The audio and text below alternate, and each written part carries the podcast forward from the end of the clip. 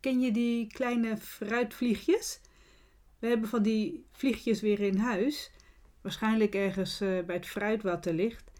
En dan, uh, dan die vliegen rondom je heen en dan heb je eigenlijk helemaal geen last van. En op een gegeven moment dan, dan zijn ze lastig. Dan, dan gaan ze precies zitten uh, waar jij dat niet wil. En dan probeer je ze te vangen en dat lukt dan niet. En nou ja, dat soort kleine vliegjes dus. Het is best lastig dus om die te pakken. En dan, het gaat dus over het evenwicht. Uh, heb ik dus uitgezocht voor in het boek Evenwicht in Uitvoering. Hoe zit dat dan bij, bij insecten? Hoe is het evenwicht bij, bij uh, insecten geregeld? Hebben die, net als wij, evenwichtsorganen? Nou, dat blijkt dus uh, niet zo te zijn. Vliegen en muggen, waaronder dus ook die fruitvlieg, die hebben dus geen evenwichtsorganen. Zij, zij vertrouwen op de beweging van de lichaamsdelen waarmee ze zich op de zwaartekracht oriënteren. Maar daar hebben ze dus niet speciale zwaartekrachtreceptoren voor. Een fruitvlieg bijvoorbeeld, die heeft daar speciale haltes. Ja, ik noem het haltes, maar het zijn natuurlijk hele kleine haltes, omdat een fruitvlieg al heel klein is. En zo'n halter is een, is een stengeltje met, met een soort uh, knuppeltje aan het eind. En dat knuppeltje is een sensor. En dat zit ergens achter de vleugels. En het mooie is dat deze haltes, die, die vibreren, die vibreren, die, die bewegen dus, tegelijkertijd met de beweging van de vleugels. En dat is dan wel een tegengestelde beweging. En dan krijg je een beetje een uh, gyroscopisch effect.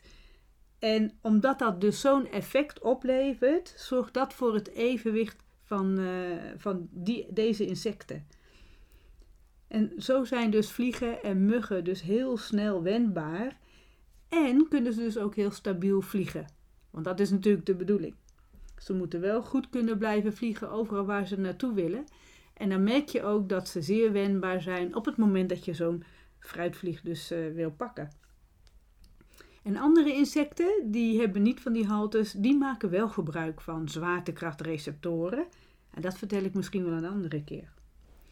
En uh, de meeste insecten, zoals dus huisvliegen en muggen, maar ook vlinders, zijn eigenlijk echte luchtacrobaten.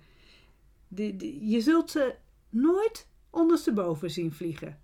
Dat, dat kunnen ze wel, maar dat zullen ze nooit een lange tijd doen. Het is altijd wel dat ze dus rechtop vliegen. Of tenminste, dus, dus ja, met het buikje naar onder, uh, naar voren toe. En ze kunnen wel dus ondersteboven aan het plafond hangen. Of, of onder een, uh, aan een blad hangen en zo. En als ze dan vallen, dan, dan zullen ze heel snel kantelen. Om dan weer dus rechtuit te kunnen vliegen. Of dus alle kanten op te duikelen. En dan daarom, ze kunnen dus wel uh, koppeltje duikelen, salto's maken in de lucht, maar ze zullen dus nooit lang op, op de kop vliegen. En daarbij, naast dus die, die uh, speciale haltes dus bij vliegen en muggen om dat evenwicht goed te houden, hebben insecten ook een heel scherp gezichtsvermogen. En zodoende hebben ze samen een heel snel reactievermogen. En daarom is het zo lastig om, om, om een vlieg of mug, om die dus te pakken, om, om die uh, dood te slaan als je dat wil. Dat, dat gaat dus helemaal niet gewoon met je handen, omdat wij met ons evenwicht en ons gezichtsvermogen en onze handen niet zo snel zijn als een mug of een vlieg. En dan even een klein uitstapje naar de libellen. Want de libellen die kunnen nog iets, iets anders, iets heel bijzonders als insect. Die kunnen verticaal opstijgen en die kunnen ook achteruit vliegen. Dat is gek, hè? Eigenlijk als een, als een helikopter, die, die kan dat ook. Die kan ook alle kanten dan op, hè? Dus uh, uh, verticaal opstijgen en naar voren en achter. Volgens mij tenminste ook naar achter, dat weet ik eigenlijk niet precies. Maar dat kunnen libellen dus wel. Dus die hebben nog iets heel speciaals wat zij met hun evenwicht dan kunnen. En dat doet me denken als je het hebt over, uh, over vliegen vangen en, en, uh, en een mug vangen. Roel, die, die, mijn man, die heeft er een sport, of die maakt er een sport van op het moment dat hij een vlieg ziet. dan wil hij die vangen met zijn blote hand. En soms lukt dat dus en dan laat hij hem dus buiten de deur, dat vangt hij dan binnen en dan buiten de deur uh, laat hij hem dan weer los. En dan s'nachts probeert hij dan wel eens een mug te vangen. We hebben dan wel horren voor de ramen, maar ja, soms komt daar toch een mug tussendoor. En dan, praat ik over de zomer, hè. in de winter hebben we daar minder last van. En dan probeert hij die mug te vangen s'nachts. En dan hoort hij eerst die mug.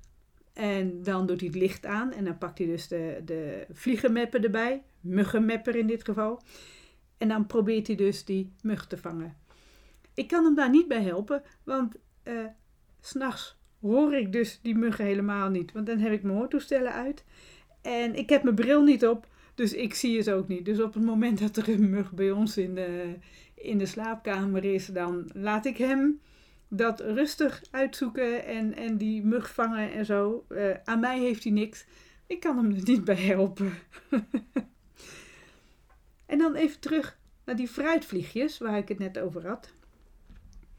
Die fruitvliegjes, uh, nou ja, daar, is nog wel iets bijzonders mee. Uh, onze jongste zoon Ruben, die heeft in Zwitserland een studie gedaan met fruitvliegjes. Dus die heeft ontzettend veel fruitvliegjes in zes maanden tijd door zijn handen laten gaan. Want hij moest daar uh, iets, iets, ja, voor de biologie, iets genetisch. Ik, ik weet niet precies wat de opdracht was, maar het heeft, heeft iets met het genetische uh, effect of zo van, van die fruitvliegjes. Daar, daar was een of ander onderzoek naar, waar die dus mee geholpen heeft. En dat was dus in een laboratorium, dat hij dus heel veel vliegjes dus daar uh, voor heeft gebruikt om erachter te komen wat daar precies mee aan de hand was. En ja, dat onderzoek heeft hij daar dan gedaan. En toen hij dus naar Zwitserland ging, is hij daar met vliegtuig naartoe gegaan. En wij zijn even op bezoek bij hem geweest. We zijn met de auto naartoe gegaan. En wat we daar onderweg tegenkwamen, waren uh, roofvogels in de lucht die zo aan het duikelen waren en zo om elkaar aan het heen draaien waren.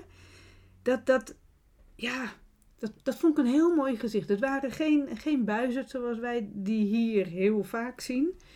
Want die, die kunnen dat niet. Niet op die manier zo, zo makkelijk om elkaar heen bewegen en buitelen. Uh, en ik had gelukkig mijn boekje mee met, met vogels uh, erin, met, met uh, vogelboekje. En ik kwam erachter, dit is de rode wouw. En de rode wouw, want dat, dat is, ja, ik heb altijd de rode wouw graag willen zien. Dat, is een soort, soort vogel die, die op mijn lijstje stond, zo van, die wil ik een keer in het echt zien. Maar op het moment dat ik dus die rode wouw zag en dat duikelen van die vogels, herinnerde ik mij dat we twintig jaar geleden toen, wij, dat, toen de kinderen nog klein waren en wij in Zeeland aan het kamperen waren, daar zagen we ook van die buitelende roofvogels. En nu wist ik ineens dat dat dus toen al, heb ik de rode wouw gezien. Alleen, ja, dat wist ik toen niet. Nu weet ik dat wel. En ik vind dat een schitterende vogel. Helemaal hoe, hoe die dus beweegt. Hoe, hoe die met elkaar dus dat, dat, dat heen en weer bewegen. Dat, dat om elkaar heen cirkelen. ja, ik vond dat echt heel mooi. Een rode wouw die daar dus dan heen en weer vliegt. En als ik het nu toch heb over, over vliegende vogels. Vogels in, in de vlucht, je kunt herkennen aan, aan hoe een vogel vliegt. Kun je eigenlijk al vanuit de vette herkennen, als je dus die vogels kent, kun je herkennen aan een vlucht welke vogel het is. Zo zien wij dus uh, ijsvogeltjes wel eens, uh, die dan als een, als een schicht langs gaan. En dan met name door het blauw en op de manier waarop die vliegt, zie je dus dat het een, dat het een ijsvogel is. En dat zien we dus ook bij, bij een buizerd, een kiekendief die juist heel laag over het land vliegt. Eh, zo herkennen wij dus heel veel vogels. En onze oudste zoon heeft voor, ook voor een stage van hem bij de Rijkswaterstaat gewerkt. En daar moest hij uh, aalscholvers gaan inventariseren. Of eigenlijk wat aalscholvers eten. En dat kun je doen aan de hand van uh, braakballen. Maar juist omdat hij dus dat moest gaan doen, heeft hij ook heel veel aalscholven zelf moeten tellen, die dan overvlogen. Dus hij heeft ook die vlucht van aalscholvers heel goed leren kennen. Nou, dat heeft hij ons ook uh, meegegeven. Van nou, zo zo ziet dat eruit. Dus wij herkennen ook van de vette al een aalscholver. Hoe die ziet, hoe, hoe dat eruit ziet als die vliegt.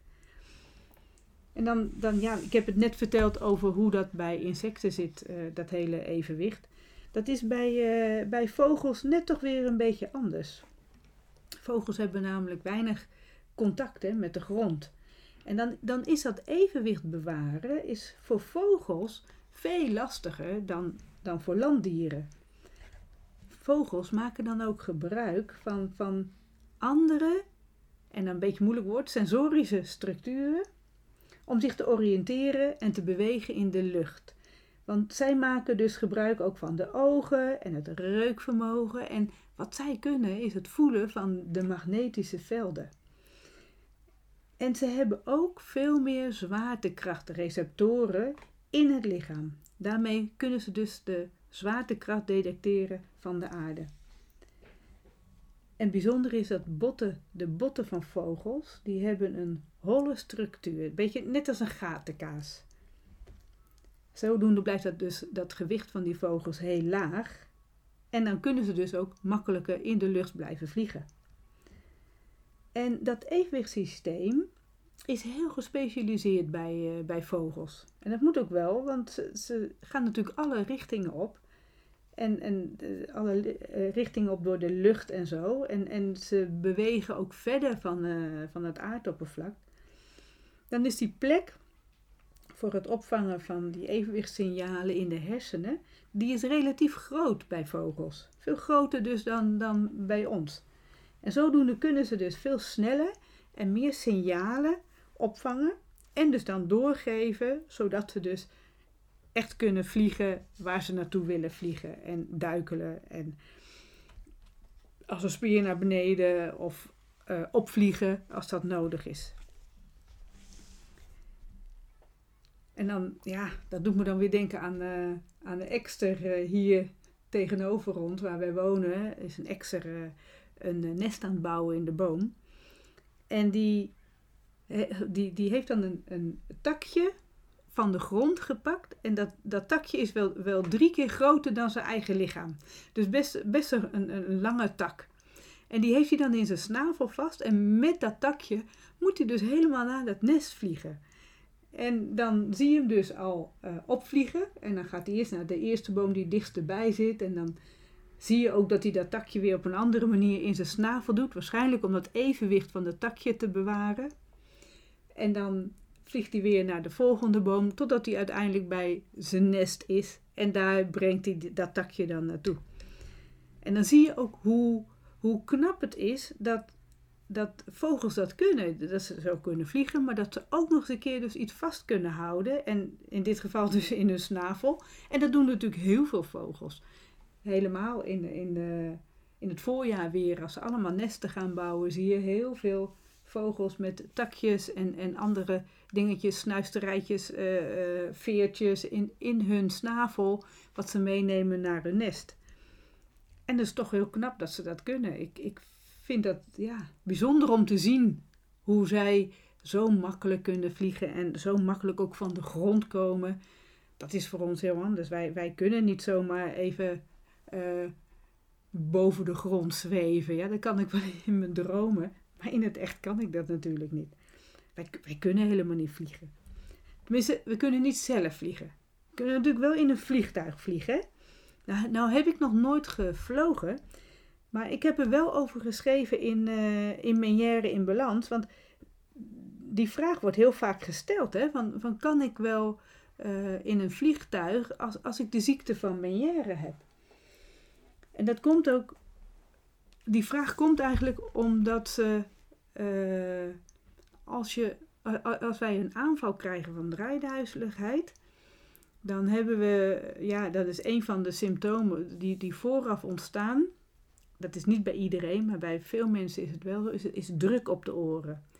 En zo'n druk op je oren, alsof je onder water zwemt. Of um, je hebt het ook wel eens als je in een eh, lift heel snel beweegt, dat je, dat je dus een druk op je oren krijgt. En dat gebeurt dus ook in een vliegtuig. Dat weet ik dan niet, maar dat heb ik van horen zeggen. Dat zou het dan kunnen zijn dat die druk die je op je oren voelt, dat je dan, als je dat voelt in een vliegtuig, dat je daar dan toch een aanval door krijgt. Nou, dat blijkt dus helemaal niet zo te zijn. Dat, uh, die druk op je oren komt dan ook echt heel erg van buitenaf. Terwijl bij uh, een aanval van draaiduizeligheid wordt die druk van binnenuit opgebouwd. Dat is niet van buitenaf, maar dat is echt van binnenin. Dus, dus in een vliegtuig weet je ook waarom wat er gebeurt. Want het heeft natuurlijk echt met, met dat opstijgen en met het landen te maken van dat vliegtuig. Dat die druk van buiten komt. Dus ja, de meeste mensen kunnen gewoon probleemloos uh, vliegen. En ja, kunnen wel medicatie gebruiken, iets tegen reisziekte of zo. Maar het wordt dus zeker niet afgeraden voor mensen die uh, meniere hebben. Wat, wat wel kan, is, is dat dus een, dat door de wisseling in de luchtdruk uh, dat, je, dat je wel andere klachten kan krijgen. Dat, uh, dat ja. Het, het, kan wel effect hebben op de druk in het binnenoor. Maar ja, dat heeft dus geen, geen uh, reactie dat het een aanval van draaiduizeligheid wordt. Dus het is echt toch heel wat anders. Ja. Ik heb eigenlijk in, in, in korte, korte tijd zo even met een helikopterview gekeken naar, naar over vliegen op, op allerlei manieren. Hè? Dat, dat, uh, van de fruitvliegjes en de muggen en uh, hoe dat dan werkt en het vliegen zelf en de vogels die vliegen, uh, vliegen in een vliegtuig. En toen ik hiermee bezig was, dat ik iets over vliegen wilde doen, kwam ik dan ook van die tongbrekers tegen. Ik weet niet of je die wel eens eerder hebt gehoord. En dat is ook de titel al van deze aflevering: hè? Vliegen, vliegen, vliegend vlug. Maar die is veel langer. Dat is, dat is een hele lange tongbreker. Die gaat uh, zo. Als vliegen, achter vliegen, vliegen, vliegen, vliegen, vliegensvlug. Of uh, deze. vier vliegensvluggen vliegen, vliegen, vliegensvlug naar Vlissingen. Nou, die is toch wel grappig, hè? En dan, ja, dat heb ik nog wel een uh, manier van vliegen. Want, want, mijn, mijn eigen vliegen zit hier eigenlijk helemaal niet bij. En, en dan bedoel ik het vliegen van, uh, dat vliegensvluggen, uh, als het om tempo gaat. Want dat tempo van mij is zeker niet meer uh, vliegensvlug. Ik, ik kan niet meer snel, snel iets, iets meer doen. Als ik me daar dus dan bij moet bewegen. Dan, dan maakt het ook niet uit of ik loop of buk of fiets of dans of zelfs het snijden van, van groenten en, en, vlees, dat, dat gaat veel langzamer. Juist omdat het evenwicht niet meer goed werkt, kan ik die dingen helemaal niet meer heel snel achter elkaar. Er zit een soort vertraging in. En als ik me dus dan heel snel wil omdraaien, dan, dan val ik om. En als ik snel de trap afloop, dan, dan, dan kan ik mij zo verstappen. Dus als ik even vliegensvlug de wortel wil snijden, dan nou, het lukt me dan niet, omdat ik het niet helemaal gecoördineerd kan doen. En dan is de kans dus ook heel groot dat ik mezelf snijd. Dus ik, ik, ik moet dat met aandacht doen. Ik kan dat ook beter met aandacht doen. Wil ik mezelf dus aan die pijn doen? Wil ik dan niet omvallen? Dus ja, ik laat graag die vliegen, vliegensvlug vliegen. En dan doe ik het wel in mijn eigen tempo. En dan, en dan probeer ik me af en toe een, eh, een, een fruitvliegje te vangen ergens eh, in de keuken of in de eetkamer.